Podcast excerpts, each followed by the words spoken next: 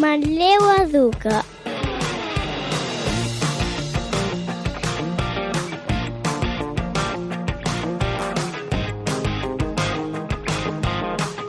Bon vespre, oients de Ràdio Manlleu.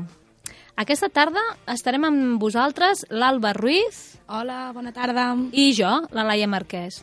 I totes dues som educadores d'infantil i formem part de l'equip educatiu de l'Escola Municipal dels Picarols i està gestionada de manera conjunta entre l'Ajuntament de Manlleu i Sora Cooperativa.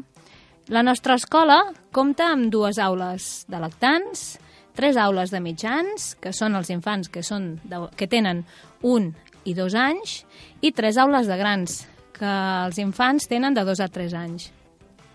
Aquest any eh, doncs hem complert 10 anys. Ja fa 10 anys que vam obrir l'escola i el 2019 i trobem oportú doncs, explicar una mica i donar a conèixer la nostra història juntament amb totes les famílies que ens han acompanyat i que han disposat en nosaltres tota la seva confiança. Durant aquests anys eh, hem anat creixent i a poc a poc hem anat adaptant el nostre projecte educatiu i la nostra manera de fer del dia a dia i sempre partint del respecte cap a l'infant i tenint present els diferents ritmes evolutius. Um, així podem dir que el nostre projecte educatiu es basa sempre en el respecte dels diferents ritmes de cada infant, de les seves individualitats i de les seves necessitats i per tal d'estimular les seves capacitats.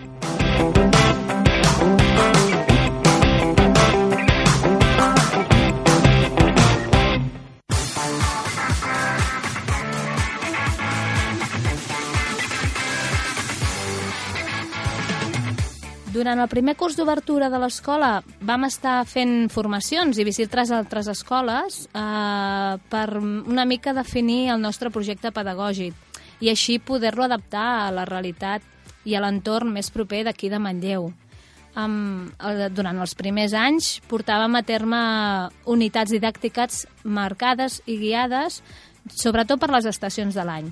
I llavors eh, vàrem organitzar les aules i programar les diferents activitats que portàvem a terme. Llavors eh, pensàvem i creàvem en funció de dues preguntes, el què volíem treballar i com ho duríem a terme. Llavors, a partir d'aquell mateix any, al gener, eh, organitzàvem les programacions i les aules per unitats didàctiques cada cinc setmanes i les aules eren temàtiques. Uh, us preguntareu què vol dir que siguin temàtiques. Doncs, per exemple, vol dir que durant, durant cinc setmanes treballàvem, per exemple, els sentits en una aula. Uh, en una aula.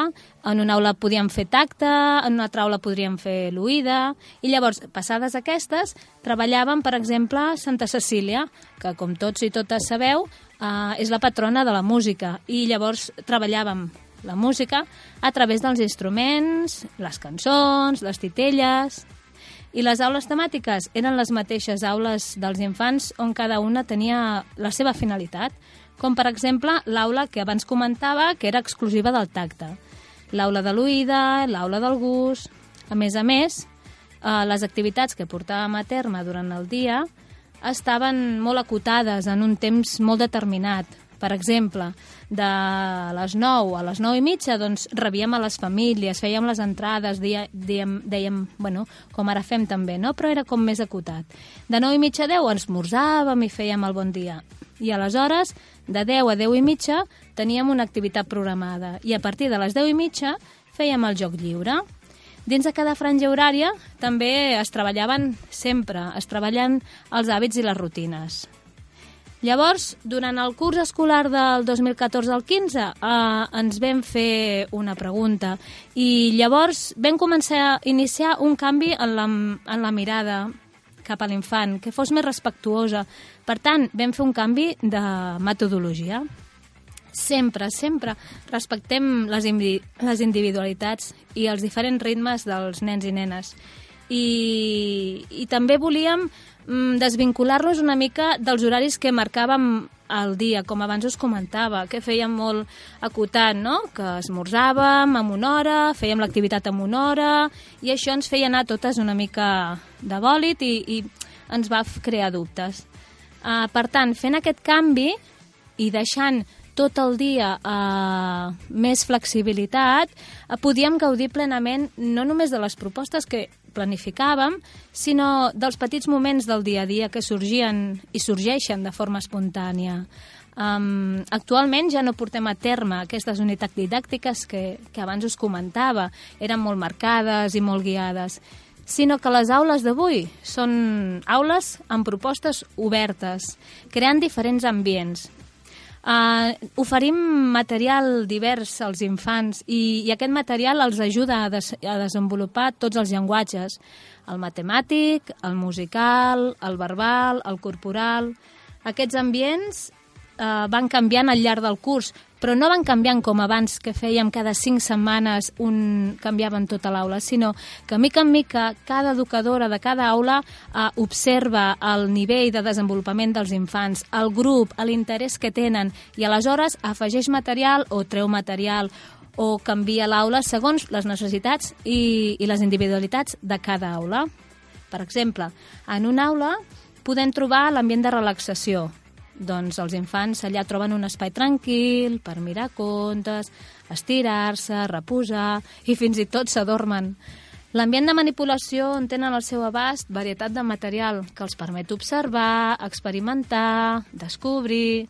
L'ambient de moviment, amb estructures que llavors potencia el moviment, l'adquisició de diferents habilitats motrius, la coordinació, la precisió, l'equilibri...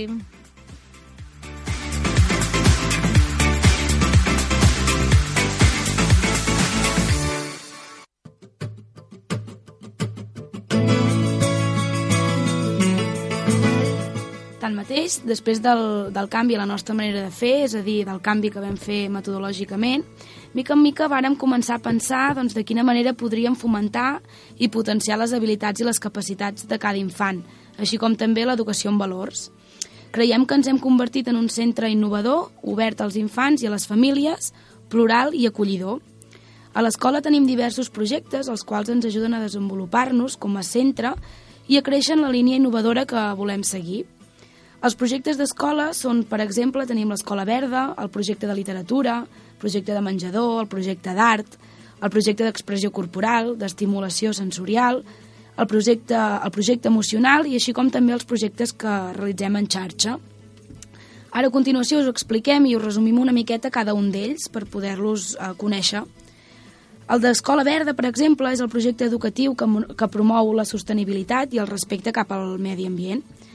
Aquest el desenvolupem en col·laboració amb els usuaris del Centre Ocupacional de Sant Tomàs. A partir d'aquest projecte portem a terme la separació de residus a l'aula, les sortides per conèixer el recorregut de les deixalles en el procés de reciclatge, coneixem també la campanya de recollida d'oli dins el programa Educo. A més, també realitzem el treball de l'hort i el camí de les plantes aromàtiques per part dels infants. Els infants ens ajuden a, a plantar, a recollir el que sembrem a l'hort i també amb el camí de les olors eh, el recorrem i anem identificant les plantes. També cada matí portem a terme la, el que és l'esmorzar saludable, on els infants ens ajuden a pelar i a tallar les fruites que ells mateixos i les famílies ens porten cada matí i que després, prèviam, eh, i després eh, ens esmorzem. També recomanem a les famílies la utilització de la carmanyola per a l'esmorzar de l'acollida. A més, les educadores que promouen i vetllem aquest projecte participen a la xarxa d'escoles sostenibles de la comarca, que altrament ho coneixem com la XES. El projecte de literatura va ser el primer projecte d'innovació que va sorgir del que vam ser formadores, és a dir, vam anar a altres centres a explicar doncs, la importància que creiem que té aquest projecte i com ho duiem a terme.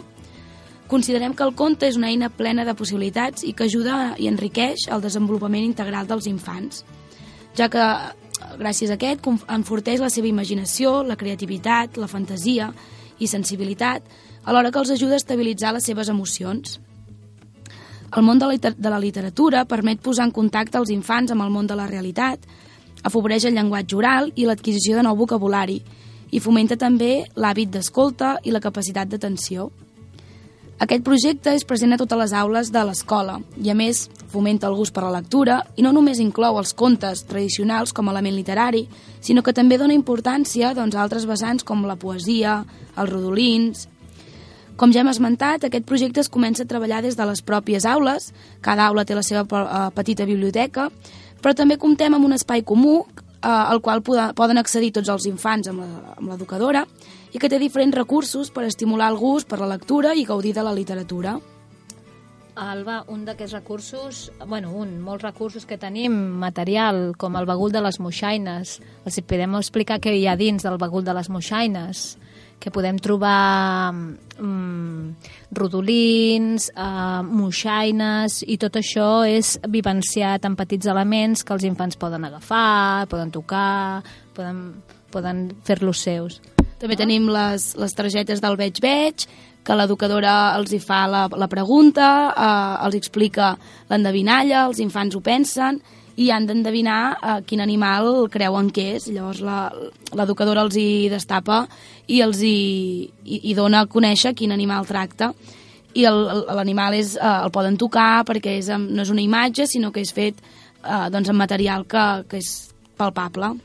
També tenim els rodolins uh, i la poesia. També tenim el projecte menjador. Aquest projecte s'inicia doncs, a les aules dels grans ja que considerem que ja han adquirit les destreses que permet a l'infant doncs, ser el, el màxim protagonista de tot el procés, tant abans com durant i sobretot també després de l'àpat. Eh, cada infant que fa ús del servei del menjador a l'escola, acompanyat sempre d'una educadora, va al menjador una estoneta abans de dinar i tots junts doncs, preparant la taula.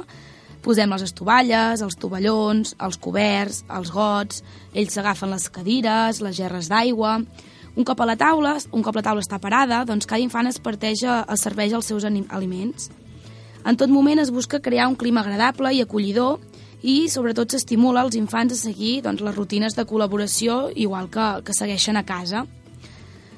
Uh, llavors tenim també el projecte d'art, és una nova iniciativa que té com a, objectiu doncs, que l'infant pugui expressar-se lliurement. El projecte es realitza en un espai que convida a crear, a imaginar, a desenvolupar, un espai on l'expressió artística és la protagonista i es convida a, inter a interaccionar i a expressar-se lliurement amb el material que, tro que troben. Al igual que el projecte de, li de literatura, aquest projecte també es porta a terme a les mateixes aules dels infants amb tot el grup classe, on ells escullen si volen pintar, si volen expre expressar-se. Tanmateix, l'educadora, que va amb els infants a l'ambient d'art comú, s'hi desplaça en mig grup classe per tal d'oferir doncs, una atenció més personalitzada i poder fer una observació dels infants més acurada. Actualment, per exemple, ja heu començat a anar a l'ambient d'art? Sí, amb els infants de grans doncs, ja ens desplacem en mig grup classe i doncs, els hi posem diferents activitats, com per exemple, ara relacionat amb la tardor, doncs, hem pintat fulles, hem pintat també les siluetes d'aquestes, eh, experimentem amb les castanyes, amb la, amb la capa, trai, anem traient les capes i bueno, es troben que llavors no trobem la castanya al terra, sinó tot el procés que, que té. I què els hi doneu als infants per pintar? Doncs, per exemple, ho fem amb, tant amb ceres com amb pintures, bueno, fem les dissolucions si se n'han de fer, els hi anem presentant diferents materials que i ells veuen que no, que no sempre és eh, posar a la taula i utilitzar-lo, sinó que hi ha tota una preparació, agafem els pots, ho posem a dintre de, dels plats per poder agafar llavors els pinzells i sucar-los i fem tot el, tot el procés. I a més a més hi ha infants que els hi ve de gust pintar i altres que no els hi ve de gust. Exacte, si, no, en el, si hi ha un infant que no li ve de gust doncs, embrutar-se les mans o pintar, doncs eh, et comenta que no vol fer-ho i no hi ha cap necessitat ni de, ni de que hagi de pintar ni de, ni de fer l'activitat, doncs es queda observant i a vegades l'observació eh, és molt millor també i així bueno, es compara també amb els, amb els altres infants i poder al cap de 5 minuts llavors ja té ganes de col·laborar. Vale, doncs després també tenim el projecte d'expressió corporal, aprofitant doncs, un espai diàfan que teníem, que oferia poc ús, vàrem dissenyar doncs, un nou ambient comú a l'escola dotat de diferents materials motrius. Aquest projecte doncs, busca oferir un espai de desenvolupament eh, psicomotriu on donar la confiança, l'espontaneïtat, també la creativitat i la llibertat i el qual contribuirà al desenvolupament integral de, de cada infant. El projecte inclou també doncs, sessions de relaxació, de ioga i de consciència corporal. A partir d'aquestes eh, sessions estructurades, sempre mantenint un mateix esquema, oferim als infants eines ajustades a les seves edats per ajudar-los a canalitzar també doncs, les seves emocions. Saps què em ve al cap? Que hi ha famílies que diuen oh, com pot ser? Sembla mentida que el meu fill o la meva filla eh, sigui capaç Puguin, d'estar sí. uh, fent ioga, no? Posant-s'hi... Sí, que canvia molt quan fas tota l'activitat amb, amb els altres companys i companyes de la classe, que no pas si ho fa només un, un infant sol. Llavors, mica en mica, entre tots, s'ajuden i, i l'activitat es porta a terme. Tu també, l'educadora també crea un, un espai relaxant i ja també hi ha una, un altre interès, no? I, i per exemple, tant el ioga tant es pot portar a terme a l'aula com a, a, a, a l'ambient d'expressió corporal, que fiquem les catifes corresponents. Que hi ha tot i un ritual, no? Fem tot el ritual ah. exacte de l'espelma, uh Mhm. -huh. de la relaxació prèvia, de la respiració, fem consciència, i llavors ja, clar, l'infant ja entra en un clima molt més agradable i molt més tranquil i es pot disposar a fer l'activitat. doncs després també continuem amb els projectes, tenim el de l'estimulació sensorial, és una nova proposta també que hem fet d'aprenentatge amb l'objectiu de, de descobrir i vivenciar doncs, situacions per mitjà dels sentits, dels sentits exclusivament i interactuant amb el cos i diferents materials. Uh, amb aquest projecte donem l'oportunitat que, que els infants gaudeixin de la llum i el color, donant-los a conèixer a través de l'observació.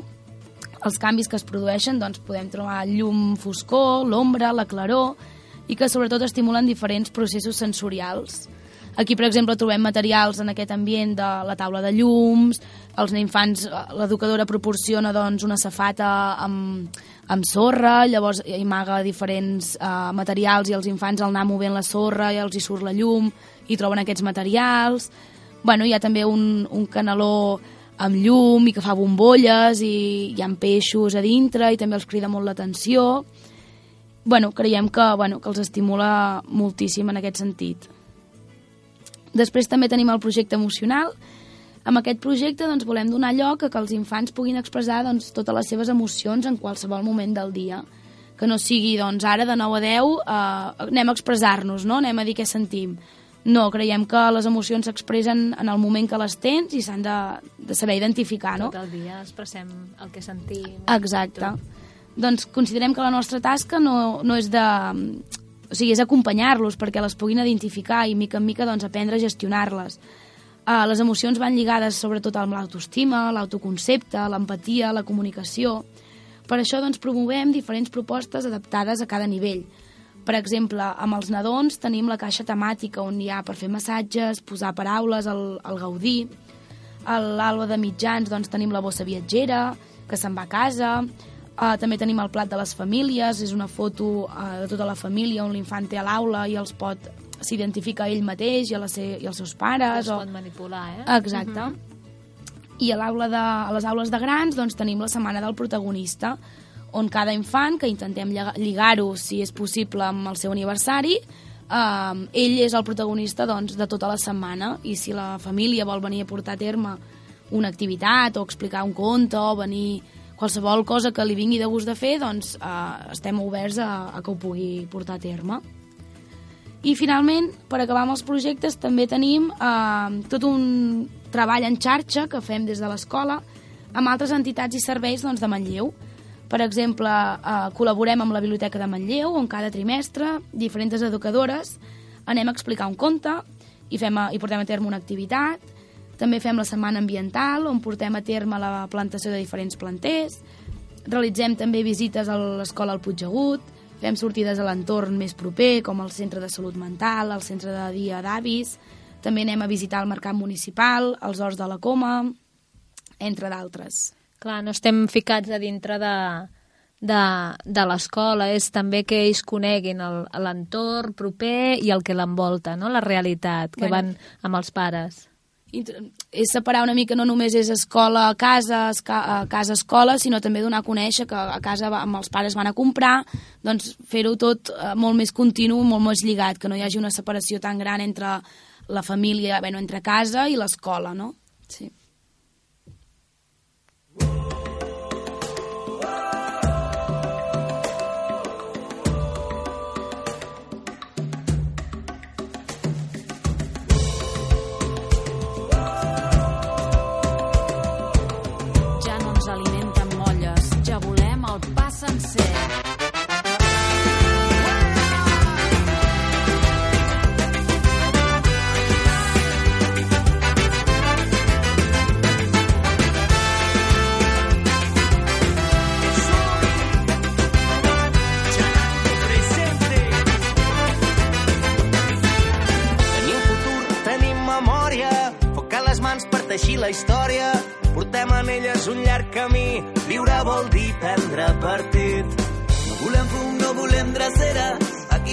a fer volar banderes.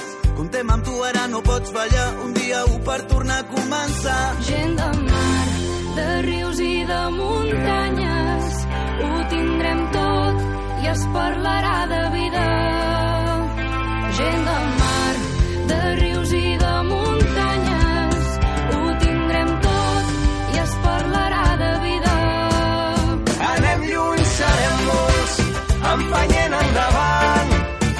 sembrar.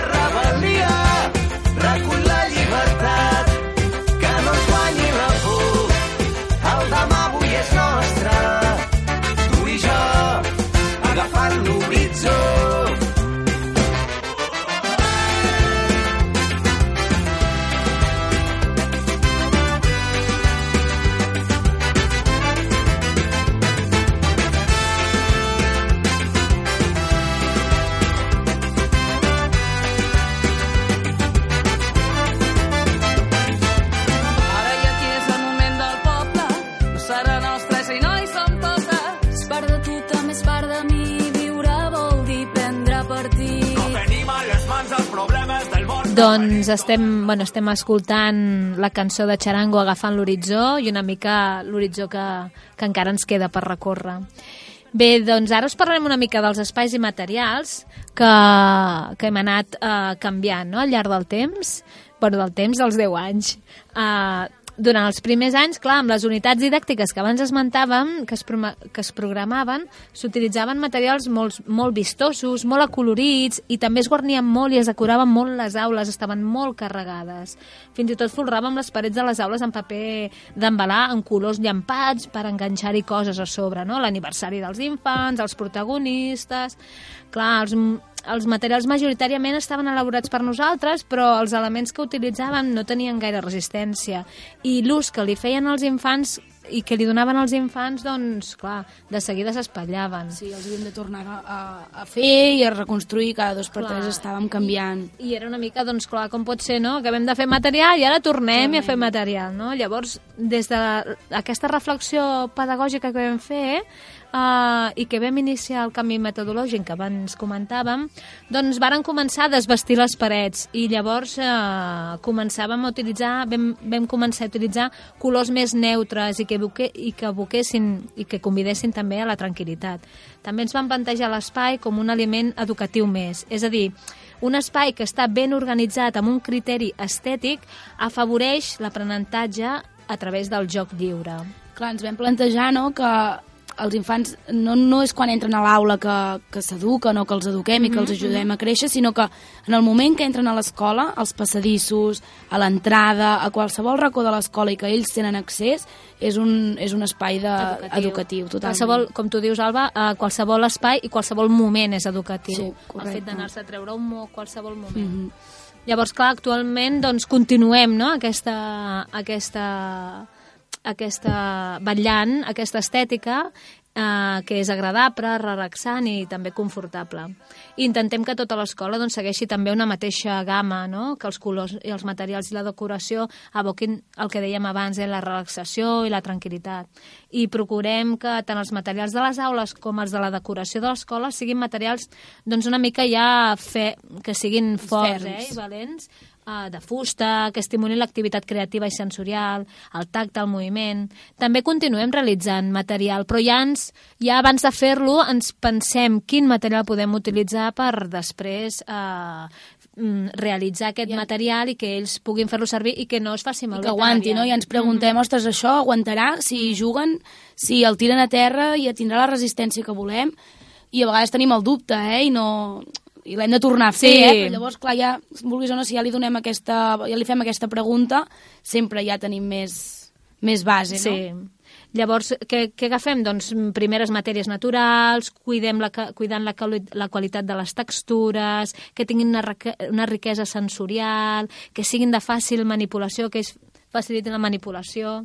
També volem esmentar que els canvis de nom que, que, que hem fet a, a l'escola, perquè a les aules eh, teníem noms de cançons, com per exemple el gegant del Pi, el cargol Traubanya, els titelles.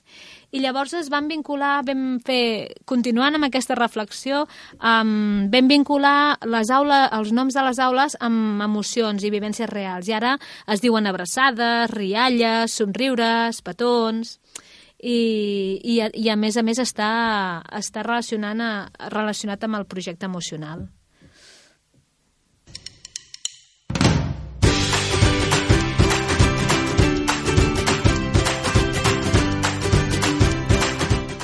Ara us volem explicar també una mica doncs, l'equip docent no? que, forma, que formem l'escola i que gràcies a, a ell doncs, es poden portar a terme tots aquests projectes i totes aquestes activitats i amb els quals doncs, fem la, la realitat del centre. Considerem que som un equip viu i constant, ja que sempre estem en contínua formació, no parem, i ens formulem sempre preguntes i ens qüestionem en tot moment el funcionament i la finalitat de materials i activitats, que és el que ara comentàvem amb la Laia.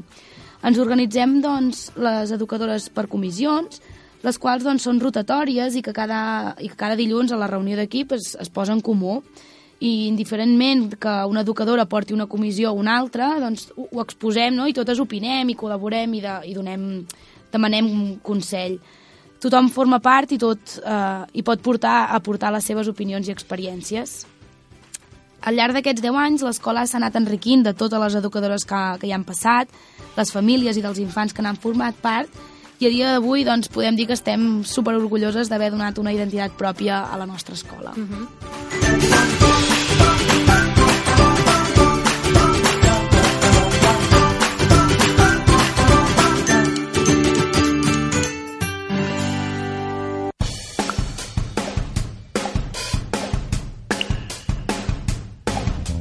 I, clar, un dels pilars bàsics de l'escola són les famílies. Uh, sempre, sempre hem considerat imprescindible establir una relació constant i fluida entre les famílies i l'equip i que és una base perquè l'educació sigui compartida i, a més a més, permetre als infants que adquireixin la seguretat emocional necessària per, a des per, pel seu desenvolupament harmònic i, i de totes les seves capacitats. Uh, des de l'escola fomentem la seva participació en les activitats que programem del projecte emocional, el que deia abans l'Alba, de la Setmana del Protagonista. Venen a explicar-nos contes, venen a fer-nos madalenes, venen a cantar-nos cançons, uh, estem obertes. Uh, i, I, a més a més, que es converteixin en protagonistes de les seves iniciatives. Així mateix, la comunicació de la família escola és clau i sempre mantenim un contacte diari en les entrades i sortides quan rebem els infants, amb les famílies, amb els avis, què tal, com ha anat, com està... A més a més, nosaltres no fem servir agenda, sinó que fem servir una plataforma que és com una agenda. I ara, perdona, eh, però Sí. també ho lliguem amb el projecte de- d'Escola Verda, Ahà. que som, bueno, escola, som Escola Verda i, i vetllem per la sostenibilitat, no? No gastem tant paper. Totalment. I, a més a més, també eh, fem reunions de pares i mares, entrevistes individuals, el que comentàvem, eh, eh, som una escola oberta a totes les famílies. Eh, enllaçant amb aquest tema, volíem citar-vos un recull de frases que les famílies ens han dedicat. Per exemple, eh, comenta la mare, una mare de lactants que diu em quedo molt tranquil·la en veure que quan entrem a l'aula la meva filla riu i està contenta de venir. O una altra frase d'una mare de l'aula de mitjans que diu quan entrem a l'escola es respira un ambient molt tranquil, fins i tot sembla que no hi hagi infants. Uh, una altra aula, una altra ma, un pare de l'aula de lactants diu agraeixo molt l'alegria amb què les, les educadores cada matí reben el meu fill a la classe la confiança que em donen i la forma en què el respecten en ell i també a nosaltres com a pares. I per acabar, una altra, una altra frase que recollim de l'aula de mitjans eh, podria ser de mm, tres fills, dos tresors, mil i una anècdotes, només una paraula. Gràcies. I ara, Alba, quina cançó els hi deixem? Doncs els hi deixarem la cançó de Caminem lluny, de Doctor Prats, i així també, bueno, ens relacionem una mica i esperem que nosaltres també puguem arribar i durem molts més anys I i que les famílies continuïn confiant en nosaltres. Nosaltres. Gràcies per escoltar-nos. Moltes gràcies. I el crit de la nostra gent, una sola veu que esclata. Mira com fas veure que no em sents i com si no hi hagués després balles perdent la mirada. Si vas trobar la teva sort, digue'm que et vas guardar tots els records. No t'aturis quan no puguis més, no et rendeixis quan no puguis més. Digue'm que no hem canviat, que seguim endavant, que aquesta lluita tindrà un gran final.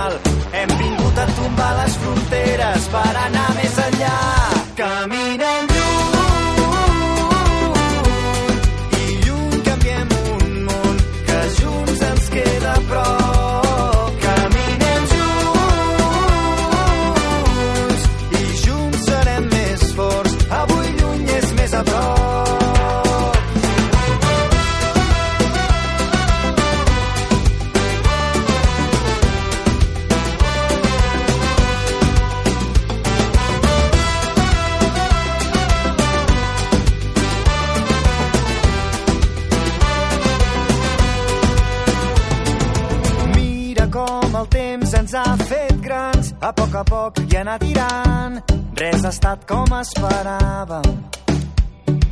Mira, tot ens ha volgut canviar, però entre somnis hem trobat el millor de cada casa. Digue'm si vas trobar la teva sort, digue'm que et vas guardar tots els records. No t'aturis quan no puguis més, no et rendeixis quan no puguis més. Digue'm que no hem canviat, que seguim endavant, que aquesta lluita tindrà un gran final. Hem vingut a tombar les fronteres per anar més enllà. Camí